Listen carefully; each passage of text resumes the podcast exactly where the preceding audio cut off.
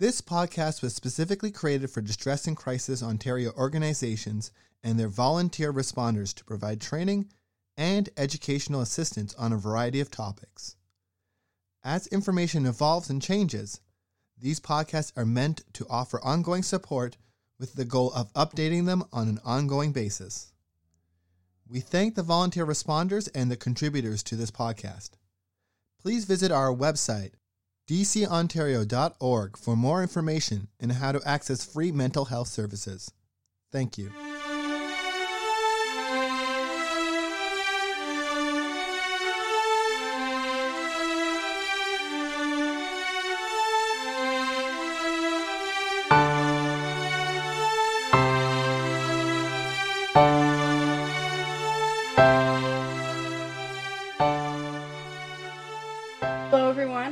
Welcome back to another DCO Discourse podcast. My name is Katelyn Doyle, and I am the Communications and Marketing Manager here at DCO. Today, we'll be exploring LGBTQ plus mental health in the theater. To begin, I believe art is probably the most recognized and effective form of self expression, hence, why art and mental health are so often coupled together. And I don't think that we can talk about LGBTQ plus theater without talking about the largest and longest running queer theater company, Buddies in Bad Times. Buddies is a Toronto based theater company established in 1979. They were and continue to be the amplifiers of the queer theater experience and support voices that are often left out from conversations in media and even in our own homes. Buddies offers a safe space for creators and audience members alike to celebrate difference and humanity. This is a quote from their artistic mission statement, which is found on their website if you're interested, which I think is more aptly put than I could ever try to summarize, so I'll quote it for you now.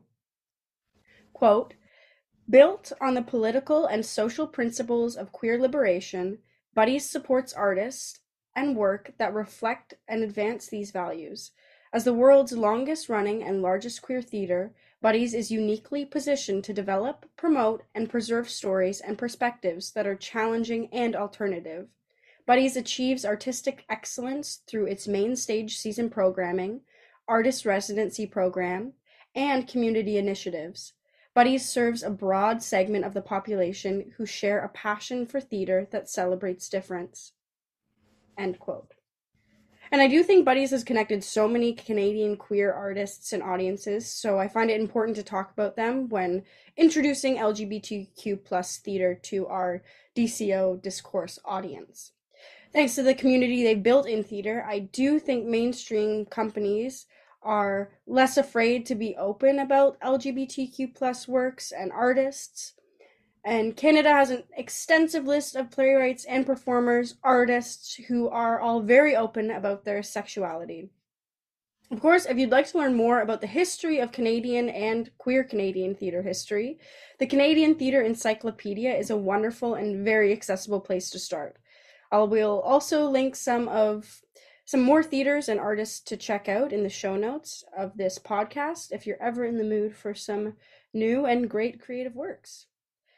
So I could go on and on about my favorite theater pieces and performances, artists, but I'm lucky enough to have one of my favorites right here with me on the DCO podcast to talk to me about their personal experience in LGBTQ plus theater and theater in general, also just their life. Today I'm joined by Jonnie Lombard, a trans creator, performer, and half decent baker stumbling through side quests of sentience. Their work looks for the extra in the ordinary, the camp and the melodrama in our everyday comings and goings, and the liberating silliness of a live performance space. They studied at the University of Windsor, graduating with a Bachelor of Fine Arts in Acting, and they've gone on to perform and create a variety of theater across Toronto and beyond, I believe. So there you have it. Jonnie, as a general and long winded question, uh, tell me a bit about your personal relationship to theater and what your journey has been to get to where you are now in your professional career and personal life. Yeah, thank you for the intro. It's it's very weird and interesting hearing oneself talked about. That was that was fun. Yeah. Um, I feel like my relationship to theater was very accidental. I was gonna be like a STEM kid for a very long time. Mm-hmm.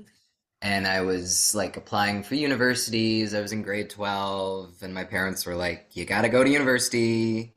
It's just what you do after you finish high school. And so I was like, Okay, where am I gonna go? Where am I gonna go? And I think I had one more, like when you go on to the university applications website, there's a certain number you can apply for. I had one more spot left. And I was like, okay, I've applied to these like criminology courses. I've applied to some like environmental science courses. And I don't know, I was just like, do I really want to do these things or am I just applying for them because I feel like it's something I have to do? Mm-hmm. And I had one more application slot left and I had been taking a drama elective in grade 12. Drama wasn't something that I had really done a whole lot in my life up until like later in high school, but it was like, oh, I'm kind of having fun in this elective. Maybe I'll just take a shot on it and see what happens if I apply to a theater course. And so I applied to the theater program at Windsor. I got into the theater program at Windsor. Everything sort of spiraled from there. And I feel like that's kind of been my journey with theater since then. Like it's almost a series of I don't want to say accidents, Hmm.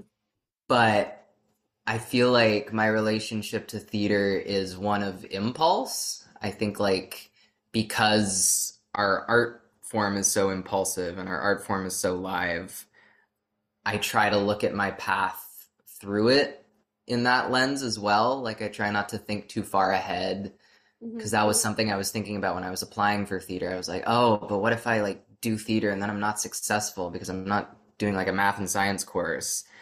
But I was like, no, in the moment, this is something impulsively that I want to do. And I think that's something that I continue to take forward. Like, what artistically do I want to do right now? Where are my impulses?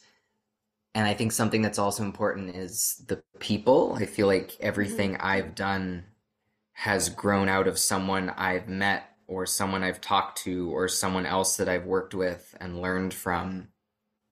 Even again, back to grade 12, applying for universities, like it was my drama teacher and it was people that I met in drama, like class, who were also applying for drama schools. It was talking to them and like learning more about their passion for it that made me want to do it as well. And so, yeah, I think it's that combination of like, impulsiveness and like community connection Mm-hmm. that's really continuing to drive everything I do. That's awesome. And do you think your I mean, I guess we would we would never know, but if you could speculate, like where do you think you would be if you'd gone into STEM versus into theater? Like would do you think you'd find a different perspective on life? Do you think you would obviously you'd be different, but but I'd love to hear your thoughts on that as well. Yeah, I think it's it's hard to visualize myself doing anything else at this point. Mm-hmm. And I think because those were fields that I didn't really have a passion for, it was more something I was doing out of like feelings of obligation. I think it's harder to visualize myself there. I just fe- I feel like I would be living a lot more planned of a life if I had done those things, which I don't I don't want to say is better or worse because like Mm-hmm. There are people for whom like plans and a sense of like long-term structure is really effective and there's a sense of ease there. It's just not something I can visualize. I think for better or for worse, artwork and as an extension of artwork, like gig work is very moment to moment and is kind of hard to visualize in the long term. And there's something that can be nervous about that, but there's something exciting about that too. Mm-hmm. And I think just the ways that my interactions with theater have affected my relationship to my identity as well. I feel like that would have that journey would have been a lot different had I not been as involved with the arts as I am now. And yeah, it's again, it's just something hard to visualize. Like I feel like my journey with my identity is so tied to my artistic journey as well. It's really interesting to visualize what that like personal journey would have been like in absence of this Mhm. thing that played such a big role in it. That's interesting. Yeah, I totally understand. I get that. Um, and so how do you think that your artistic expression supports things like your own mental health? Does it harm it? Does it make it better? Is it a beautiful mix of both? A terrible mix of both? What's that like? Yeah. I think I like like specifically within theater, I'm mostly a performer. Sometimes I'm a sometimes I'm a writer, mostly a performer. But I think in both there's a cool ability with theater to like place yourself somewhere else for a little bit hmm when you're like speaking words that aren't your own and when you're playing someone that is not yourself or when you're writing about someone that is not yourself there's like a level of escapism there that is kind of cool where you get to like not ignore the things that are going around you in your day to day but you get to just step away from them for a little while to focus again on this like piece of art that you're just working on in the moment. I think again that like immediateness and the presentness of theater can be really beneficial for just helping me like ground myself and calm myself. Like when i'm working on something or when i'm performing i can't think about other things that are making me nervous. I can't think about if i left the stove on. I can't think about like the little anxieties in my day to day because i'm just really grounded in what i'm doing right here and now. But i think I, I always say like as a performer, I love performing. I love less everything I have to do to get to the point of performing. I think the actual act of like doing theater, once all the creation is done, or once you're in the room rehearsing and once you're in the room working, like that's so joyful and that's so grounded and special. But I think we also are in a system that doesn't quite value artists as much as it could. Yeah. And I think there's a bit of a disconnect there between like, I really love the thing I do. And this brings me so much joy, and this is really beneficial for my mental health the actual just like act of creating and the act of performing. But the systems around me that kind of dictate when and how I perform and how much I am getting paid to do these things in relation to how much things cost in the day to day. Yeah, I think it's that it's that disconnect between like the art and the structures we're making art in that for the old mental health can be a little bit at odds sometimes. Right. So speaking speaking on those systems, um, how how do you think that the industry contributes then to the mental well-being or detriment of especially queer folks and artists within this pe- professional scope? Um, and does this extend beyond the the theater community uh, that you can you can think of or that you've just simply experienced? Yeah, I think specifically from like a queer lens, especially in the time we're in now, it's again a really interesting dichotomy of like that word industry, I think is really important because theater gives us this opportunity to spread our stories and to represent ourselves and to just be visible to groups of people who we may not have been visible to before. And it allows us to like be in conversation with audiences and get those conversations going that hopefully extend beyond the theater. And for that the industry is essential because it's like it's giving queer artists the chance to platform themselves.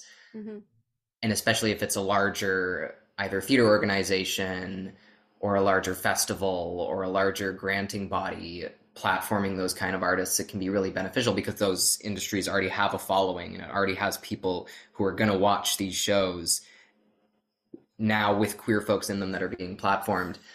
But then because it's an industry there's again this really interesting dichotomy of like kind of feeling sometimes like you are editing your identity or we're editing our Mm. stories in the way we want to tell them for a more general audience And again, because a lot of the times, like, if we're entering into a pre existing organization as queer folks who maybe haven't platformed queer material or queer artists as much, it can sometimes feel like we're adjusting to the audience that they already have. Mm-hmm.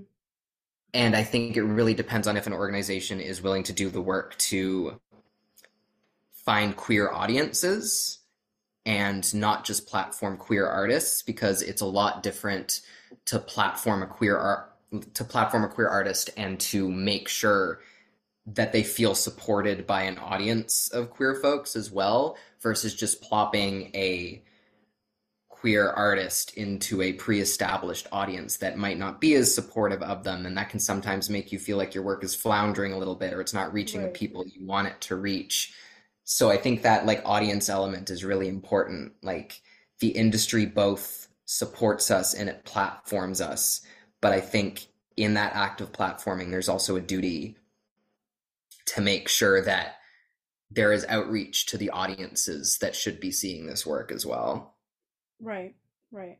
So it's it's less the responsibility of of those queer artists to to build that audience, but more the industry to to create those audiences for the artists. Is that more or less? Maybe not.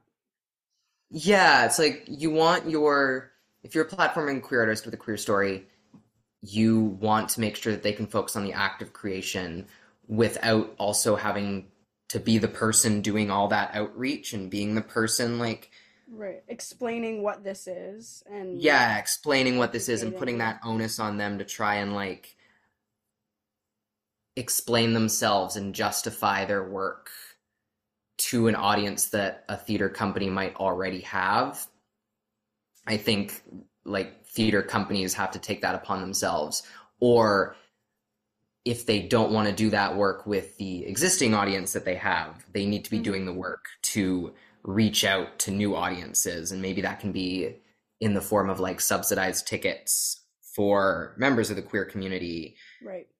Because a lot of the times, like financial barriers can get in the way of like people coming to see shows that they maybe really want to see mm-hmm. or seeing work by queer artists that they really like and would like to support but there is that financial barrier. So like finding ways to subsidize that or just like advertising within queer spaces. Yeah i think it's it's that it's that balance of like you the work doesn't stop at just like putting on a show that is centered around queer people, it has to continue into the audience and into how that work is being communicated to the audience and which audiences right. that work is being communicated to. I think that's a wonderful place to stop this podcast for now and let our listeners think about whose responsibility it might be to promote LGBTQ plus works, people, artists, all of that. Thank you so much, Jonnie. I look forward to speaking with you more next week where we'll cover some more topics. And thank you so much to our DCO listeners. I hope you enjoyed this week's podcast, and I'll see you back next week for another. Thanks.